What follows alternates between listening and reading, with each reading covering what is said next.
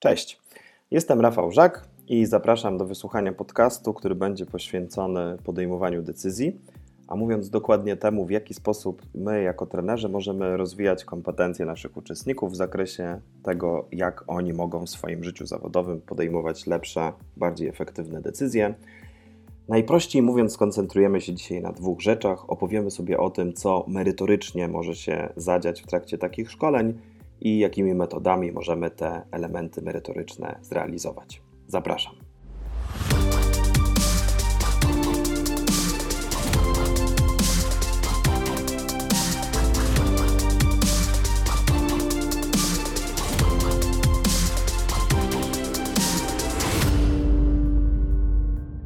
Jestem Rafał Żak. Na co dzień zajmuję się kilkoma rzeczami. Po pierwsze, jestem trenerem, co oznacza, że pracuję z moimi grupami nad rozwojem kompetencji osób e, w tych grupach. Po drugie, jestem mówcą, co oznacza, że od czasu do czasu występuję przed jakimś dużym gronem osób i wtedy moje zadanie polega na dostarczeniu im wartości merytorycznej, najlepiej w taki sposób, który jest łatwy do przyjęcia. No i trzecia moja rola zawodowa to od czasu do czasu piszę książki dotyczące rozwoju kompetencji. I to chyba jest taka najkrótsza charakterystyka tego, co ja robię. Jedna z tych książek dotyczy kompetencji związanych z podejmowaniem decyzji. Jej tytuł to y, Jak podejmować dobre decyzje. Napisałem tę książkę razem z Marcinem Rendudą. No i w związku z tym, że te podejmowanie decyzji jest po pierwsze tematem jednej z moich książek, a po drugie, biorąc pod uwagę, że ja głównie prowadzę zajęcia adresowane menadżerom, czy takie, których odbiorcami są grupy menadżerskie, no to też tego podejmowania decyzji, czy też refleksji nad rozwojem kompetencji w tym zakresie mojej pracy codziennej jest dużo. W związku z tym, dokładnie z tego tematu postanowiłem zrobić sobie e, temat naszego dzisiejszego podcastu, który, jak wiadomo, realizuję w ramach współpracy z EPALE, w ramach bycia ambasadorem EPALE. Ten podcast będzie miał taką konstrukcję, w której najpierw zajmiemy się merytoryką, a później warsztatem. Gdybyśmy generalnie popatrzyli sobie na pracę trenerów, no to praca trenera zawsze składa się z tych dwóch obszarów. Po pierwsze, my musimy mieć jakąś wiedzę merytoryczną w temacie, w którym się poruszamy, w którym prowadzimy zajęcia. A po drugie, dochodzą do tego kwestie warsztatu pracy, czyli mówiąc wprost, kwestie tego, jakimi metodami my możemy rozwijać kompetencje ludzi w zakresie naszego tematu szkolenia. W związku z tym, dokładnie tak popatrzymy dzisiaj na podejmowanie decyzji. Najpierw powiemy sobie o merytoryce, a potem o tym, jak tą merytorykę dostarczać naszym uczestnikom. No i ta refleksja na temat merytoryki de facto dotyczy tego, jakie elementy można by było wyróżnić w ramach takiego naprawdę szerokiego tematu, jak podejmowanie decyzji. Jakie elementy będą związane merytorycznie z tym obszarem. W związku z tym, trochę nam to da taką orientację dotyczącą tego, w jakich obszarach tematycznych porusza się trener, który rozwija kompetencje związane z podejmowaniem decyzji u uczestników. No i w zasadzie ja bym tutaj wyróżnił trzy takie obszary. Pierwszy to jest psychologia decydowania, drugi to jest proces podejmowania decyzji, a trzeci obszar to są narzędzia podejmowania decyzji. No i teraz zacznijmy się tym zajmować po kolei. Pierwszy obszar psychologia decydowania. To jest taki duży worek merytoryczny, do którego wpadają wszelkiego rodzaju psychologiczne mechanizmy, które wpływają na procesy decyzyjne czyli do którego wpadają wszelkiego rodzaju na przykład pułapki procesów decyzyjnych, na przykład takie elementy, które utrudniają podejmowanie dobrych decyzji, jak na przykład nadmierny optymizm, mechanizm utopionych kosztów czy utraconych korzyści. Czyli mówiąc wprost, my w tej części możemy pokazać uczestnikom i zaprezentować im, z czym musi się liczyć ktoś, kto chce podejmować dobre decyzje, z jakimi utrudnieniami, z jakimi kwestiami dotyczącymi różnic indywidualnych, pomiędzy różnymi osobami podejmującymi decyzje itd., tak itd. Tak Zbiorczo nazywam to bardzo często psychologią decydowania, bo okazuje się, że większość tego, co my w tym zakresie mamy do pokazania uczestnikom, to są jakieś fragmenty właśnie dorobku psychologii, czy to psychologii poznawczej, czy to psychologii społecznej, czy też właśnie psychologii różnic indywidualnych. No i mamy za sobą pierwszy obszar merytoryczny. Drugi obszar to jest proces podejmowania decyzji. Czyli druga rzecz, którą my w którymś momencie zajmowania się tematem podejmowania decyzji powinniśmy uczestnikom dostarczyć, to jest rozumienie całości procesu podejmowania decyzji, czyli tego, z czego ten proces się składa, z jakich etapów, no i też tego, w jaki sposób te etapy na siebie wpływają i dlaczego każdy z nich jest ważny. Dlaczego my najpierw powinniśmy sobie definiować problem decyzyjny, a dopiero później szukać różnych opcji zaspokojenia naszego interesu, czy też właśnie podjęcia określonej decyzji. No i trzeci obszar z tych trzech merytorycznych to są narzędzia podejmowania decyzji. No i to jest obszar absolutnie najszerszy z wszystkich, o których opowiedziałem, ponieważ na tym etapie w zasadzie do tego worka merytorycznego narzędzia podejmowania decyzji wpadają wszelkie metody podejmowania decyzji wszelkiego rodzaju algorytmy, podpowiedzi, techniki, które naszym uczestnikom szkolenia mogą się przydać do tego, żeby oni podejmowali lepsze decyzje.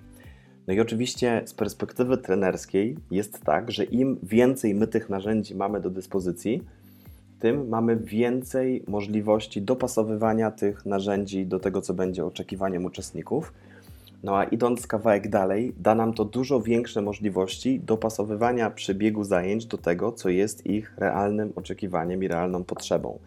W związku z tym, z perspektywy trenera prowadzącego zajęcia, no, można założyć, że jak opanujemy sobie psychologię decydowania, to mamy pewną zamkniętą całość, no bo zazwyczaj to nie jest tak, że pojawiają się w każdym miesiącu nowe mechanizmy psychologiczne, które mogą tu mieć znaczenie. Oczywiście warto być na bieżąco z badaniami, ale nie jest to dynamicznie zmieniająca się rzeczywistość. Jak opanujemy sobie proces podejmowania decyzji, to w zasadzie zostaje nam to na długo. Najwięcej też takiej naszej własnej edukacji, szukania różnych źródeł będziemy mieli pewnie do zrobienia w zakresie narzędzi podejmowania decyzji, no i gromadzenia wszelkiego rodzaju metod, które później pozwolą dobierać te metody do specyfiki pracy uczestników, organizacji, w których pracują, i do takich decyzji, z którymi oni na co dzień się mierzą. No i te trzy obszary psychologia decydowania, proces podejmowania decyzji i narzędzia podejmowania decyzji w zasadzie domykają nam tą część dotyczącą merytoryki tego, co my w zakresie tych szkoleń możemy robić. Druga rzecz, którą się zajmiemy, to warsztat. Czyli spróbuję pokazać w paru punktach, jak my możemy takie szkolenia realizować.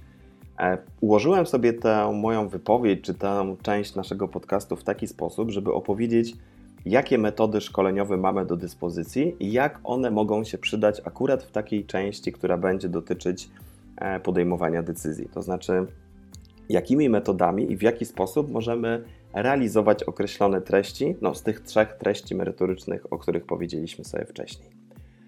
No i zacznijmy od metod najprostszych. Znaczy, oczywiste jest, że w takim temacie, w tak merytorycznym, gęstym i nasyconym temacie jak podejmowanie decyzji, będziemy korzystać z części mini wykładowych, bo tutaj będzie w naszej pracy trenerskiej bardzo dużo elementów, których naszym zadaniem będzie przedstawić uczestnikom jakąś porcję wiedzy, jakąś porcję materiału, z którą oni będą w stanie się zapoznać, no i w jakiś sposób z niej korzystać w swoim własnym życiu. W związku z tym, za każdym razem, zresztą tak się dzieje niezależnie, czy to jest podejmowanie decyzji, czy inny temat taki mocno merytoryczny, że no w takich merytorycznych, twardych tematach, twardych w rozumieniu takich, w których istnieje pewna wiedza, no my musimy się liczyć z tym, że jakaś część naszej aktywności trenerskiej to będzie po prostu mini wykład. Oczywiście czasami będziemy ten mini wykład ubarwiać jakimiś takimi rzeczami dotyczącymi nie wiem, prezentacji multimedialnej, albo zrobimy sobie jakąś wizualizację, ale jednak takie wiedzowe porcyjki, na pewno mini wykładowe w tej naszej pracy się pojawią.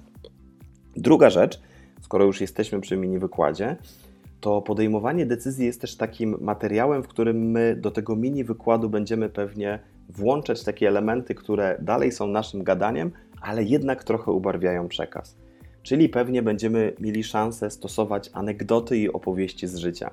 Czyli na przykład opowiadać o pewnych przypadkach realnych podejmowania decyzji biznesowych, w których coś się zadziało tak, w określony sposób. W związku z tym ta opowieść będzie dla uczestników w jakiś sposób inspirująca.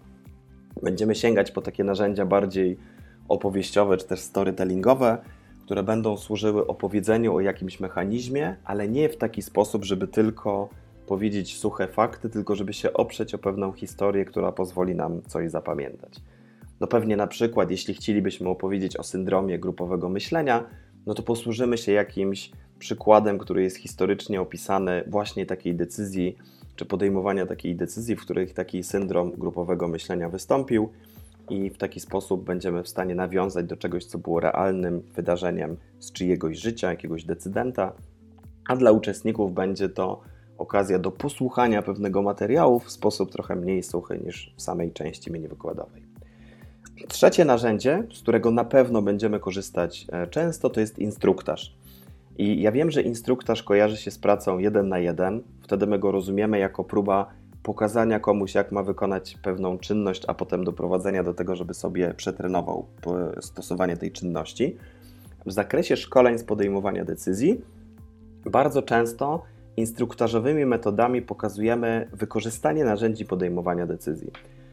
Czyli na przykład, gdybyśmy chcieli uczestnikom zaprojektować wydarzenie, w którym zaprezentować będziemy im chcieli jakieś narzędzie do podejmowania decyzji, takie na przykład narzędzie, które będzie pewnym algorytmem złożonym z kilku kroków, których będziemy musieli szacować, na przykład wybierać kryteria, którymi będziemy decydować, później będziemy decydować, na ile dane kryterium jest dla nas ważne, a potem na ile dana opcja, nad którą się zastanawiamy, spełnia te kryterium no to bardzo często będziemy to prowadzić w taki sposób, że wyświetlimy na przykład arkusz, w którym tą decyzję będziemy podejmować, będziemy uczestnikom tłumaczyć, jaki etap pierwszy powinien nam towarzyszyć, a potem będziemy ten etap razem z nimi wykonywać. W związku z tym de facto cała ta nasza praca będzie takim przeplataniem się opowieści o pewnym etapie wykorzystania narzędzia, a potem zaprezentowaniem tego w praktyce.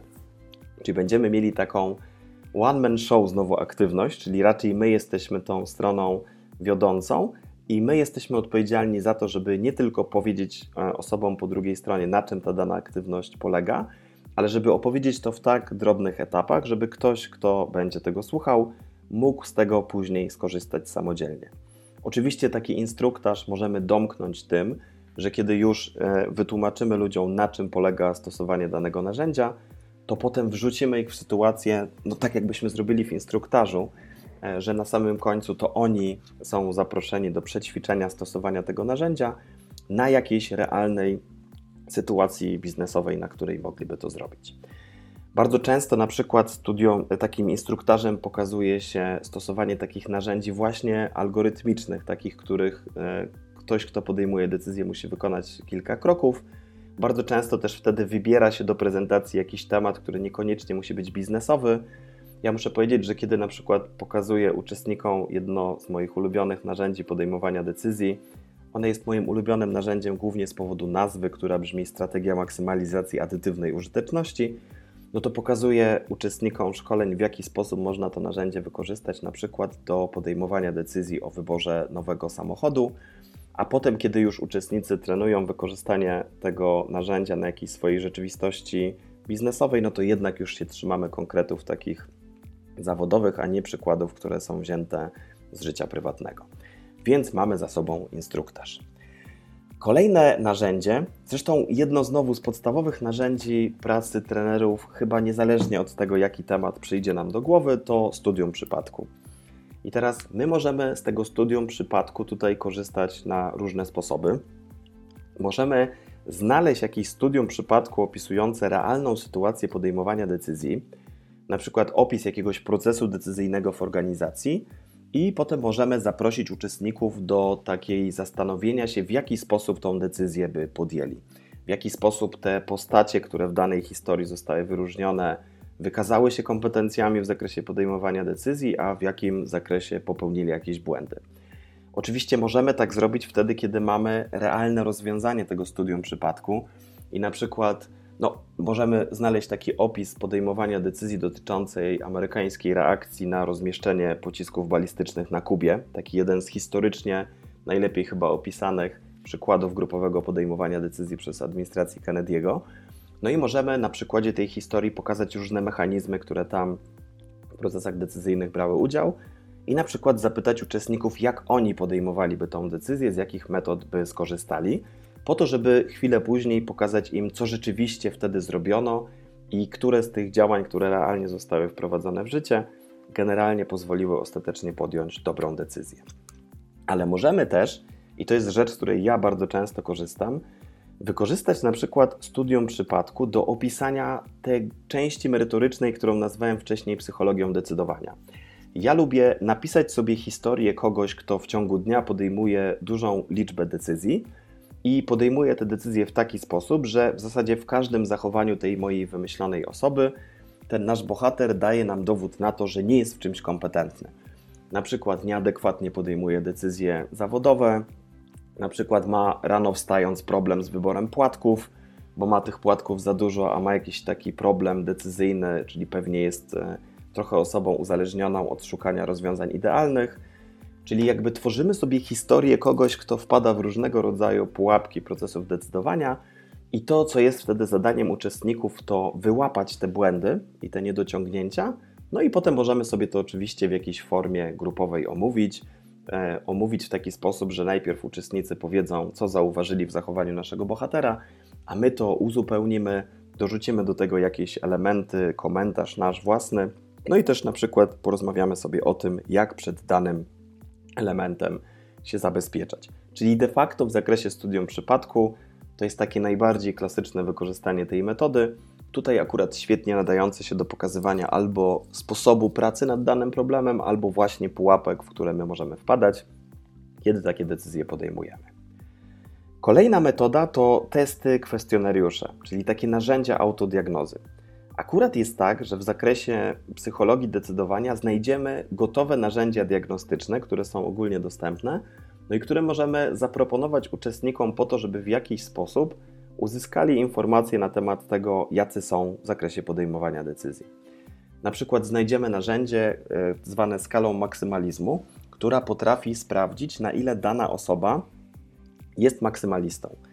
E, zgodnie z metodyką przyjętą w tym narzędziu, bycie maksymalistą oznacza chęć szukania rozwiązań idealnych w każdej sytuacji decyzyjnej. Maksymaliści to osoby, które zawsze starają się znaleźć rozwiązanie idealne. No i co za tym idzie, bardzo często mają takie poczucie, że nawet kiedy podejmują decyzję, to nie mają pewności tego, że ta decyzja jest idealna, w związku z tym na przykład satysfakcja z tej decyzji jest u nich niższa. Jeśli ktoś ma niskie wyniki na tej skali, to prawdopodobnie bliżej mu do takiego podejścia, które jest najczęściej nazywane satysfakcjonalizmem, czyli bliżej do takiej osoby, której e, podejmujemy decyzję w taki sposób, że jak znajdujemy rozwiązanie, które spełnia nasze kryteria, to to nam absolutnie wystarcza. No i teraz oczywiście nie chodzi o to, żeby uczestników zarzucić takimi narzędziami diagnostycznymi, po to, żeby e, mieli jakąś taką wiedzę na swój własny temat, z którą nic nie da się zrobić, żeby traktowali ją jako usprawiedliwienie swoich na przykład sposobów podejmowania decyzji. Ale no, jako trenerzy dobrze wiemy, że ludzie lubią wiedzieć dowiedzieć się czegoś na swój temat. Ten moment, w którym robią sobie jakiś prosty arkusz diagnozy i ten arkusz coś im o nich mówi, jest z perspektywy uczestnika często oceniane pozytywnie. Tym bardziej, że jak zobaczycie sobie to narzędzie, tą skalę maksymalizacji na przykład, no to te pytania są w, tak, w taki sposób sformułowane, że w zasadzie sama e, lektura tych pytań już pozwala nam się domyśleć, jakie wyniki będziemy uzyskiwać. I bardzo często jest tak, że ludzie czytając ten test już się uśmiechają pod nosem, bo wiedzą, że właśnie za chwilę test im pokaże, że są wysoko na skali maksymalizmu, czyli wysoką mają potrzebę szukania rozwiązań idealnych, a takie rozwiązanie sobie testu, takiego kwestionariusza autodiagnozy może być dobrym punktem wyjścia do właśnie rozmowy na temat psychologii różnic indywidualnych i tego, w jaki sposób ludzie się różnią, jeżeli chodzi o proces podejmowania decyzji. No i zostają nam dwie metody. Pierwsza z tych dwóch to praca w podgrupach. My możemy posłużyć się siłą podgrupy do takiego zadania, w którym ludzie otrzymują realny problem decyzyjny i mają na podstawie swoich doświadczeń podzielić się sprawdzonymi metodami podejmowania takich decyzji. Ja bardzo często, kiedy prowadzę zajęcia z tego zakresu, takie, które są adresowane do pracowników organizacji, to proszę ludzi przed zajęciami o podzielenie się ze mną informacją na temat decyzji, które oni najczęściej podejmują. Czyli na przykład proszę o wysłanie mi w mailu takiej informacji, z jakimi decyzjami w swoim życiu zawodowym spotykasz się najczęściej. No jak już dostaję tą listę, to wykorzystuję ją do dwóch e, etapów zadań na zajęciach. Po pierwsze, jak mam taką listę, to mogę sobie dobrać narzędzia, które uczestnikom w trakcie zajęć będę chciał pokazać ale bardzo często pracuję na tej liście w taki sposób, że kiedy się już zobaczymy na zajęciach, to kiedy się już widzimy na zajęciach, to ja dzielę sobie uczestników na podgrupy. Każda podgrupa ma za zadanie wypracować metody podejmowania decyzji w pewnym konkretnym zakresie decyzyjnym, które sama grupa mi wcześniej podała. Czyli na przykład, jeśli dla uczestników ważnym rodzajem podejmowania decyzji czy takich sytuacji decyzyjnych jest na przykład decyzja rekrutacyjna, a dla drugiej części uczestników ważny obszar podejmowania decyzji to są decyzje dotyczące tego, jak delegować zadania w zespole, to ja dzielę sobie moją grupę szkoleniową na podgrupy. Proszę uczestników, żeby w ramach podgrupy wypracowali metody podejmowania takich decyzji, a potem najpierw omawiamy sobie ich pomysły, a na koniec ja dodaję swoje narzędzia, które akurat do takiej kategorii decyzji pasują.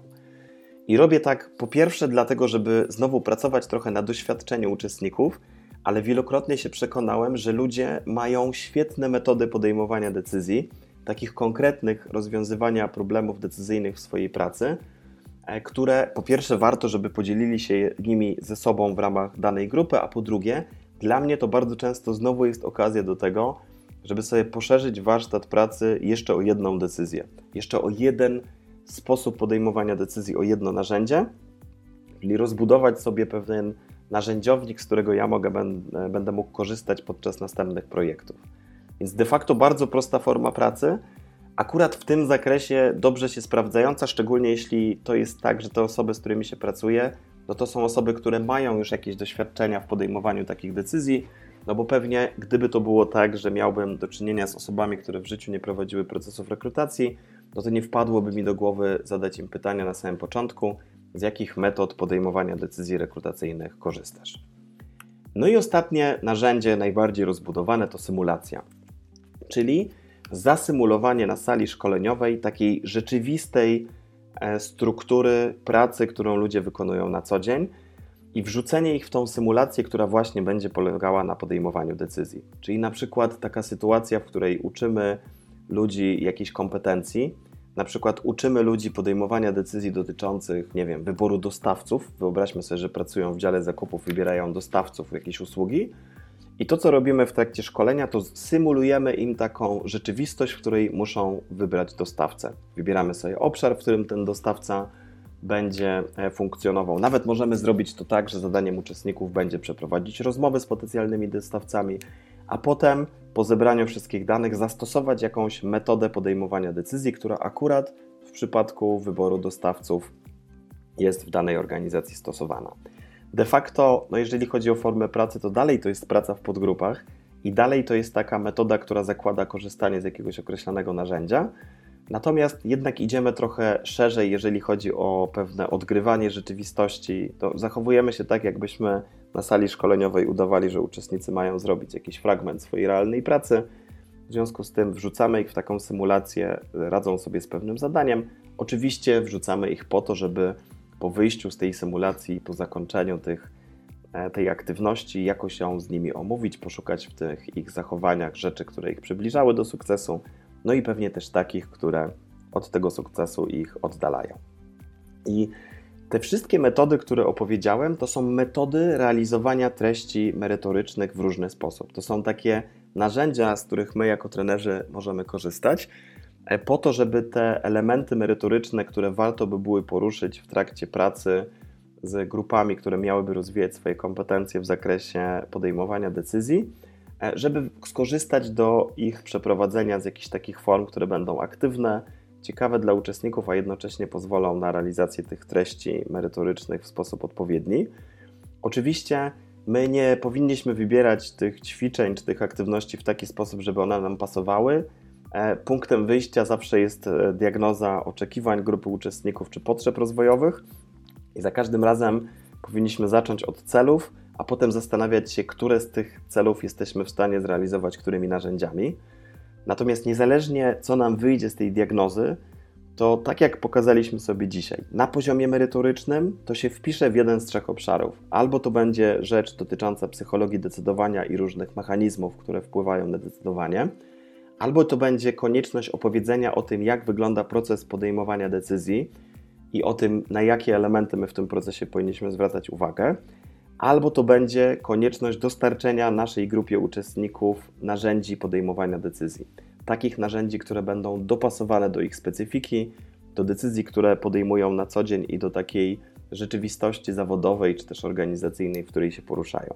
I to jest za każdym razem tak samo, jeżeli chodzi o merytorykę. Jeśli chodzi o warsztat, to oczywiście tutaj inwencję mamy dużo szerszą, bo ja powiedziałem dzisiaj o mini wykładzie, o takich opowieściach storytellingowych, inspiracyjnych, o instruktażu, o studiów w przypadku, o testach autodiagnostycznych, o symulacjach i o pracy w podgrupach. No ale każdy, kto pracuje jako trener, wie, że to nie są wszystkie narzędzia, które moglibyśmy sobie wyobrazić. W związku z tym to zawsze od naszej inwencji zależy, w jaki sposób te narzędzia będziemy wykorzystywać. Podałem przykładowe zastosowania, natomiast wiadomo, że jeżeli znajdziemy lepsze narzędzie, które równie dobrze realizuje cel, który mamy do zrealizowania, to w zasadzie jakichś specjalnych ograniczeń tego, co my w zakresie narzędzi, doboru narzędzi jako trenerzy możemy zrobić, tutaj nie widać. No i na tym zakończymy sobie to nasze dzisiejsze spotkanie. Mam nadzieję, że było to inspirujące, ale było, że było to też taką praktyczną wskazówką, zestawem praktycznych podpowiedzi dotyczących z jednej strony zawartości merytorycznej, z drugiej strony tego, jakimi metodami możemy tą zawartość merytoryczną realizować. E, bardzo dziękuję za uwagę. Zapraszam do Epale, zapraszam do czytania tekstów, które ja w ramach Epale publikuję. Od czasu do czasu te moje teksty dotyczą podejmowania decyzji. Można wśród moich starszych nieco tekstów znaleźć parę takich, które bezpośrednio dotyczą tego naszego tematu. No i oczywiście z racji tego, że to, co teraz słuchacie jest podcastem, bardzo gorąco zapraszam do słuchania pozostałych podcastów, które w ramach Epale są w tym roku tworzone. To jest stosunkowo nowa forma dla nas jako ambasadorów. E, dla mnie bardzo ciekawa, bo daje możliwość popatrzenia sobie na tą swoją rolę zupełnie inaczej a też jak e, mam przyjemność słuchać podcastów przygotowywanych przez inne osoby, które pełnią rolę ambasadorów, to widzę, jak bardzo to jest łatwa forma do przyjęcia i jak bardzo potrafi ona być inspirująca. Zatem na koniec życzę podejmowania dobrych decyzji w momencie, kiedy będziecie zastanawiać się, w jaki sposób uczyć ludzi podejmowania decyzji. Do usłyszenia.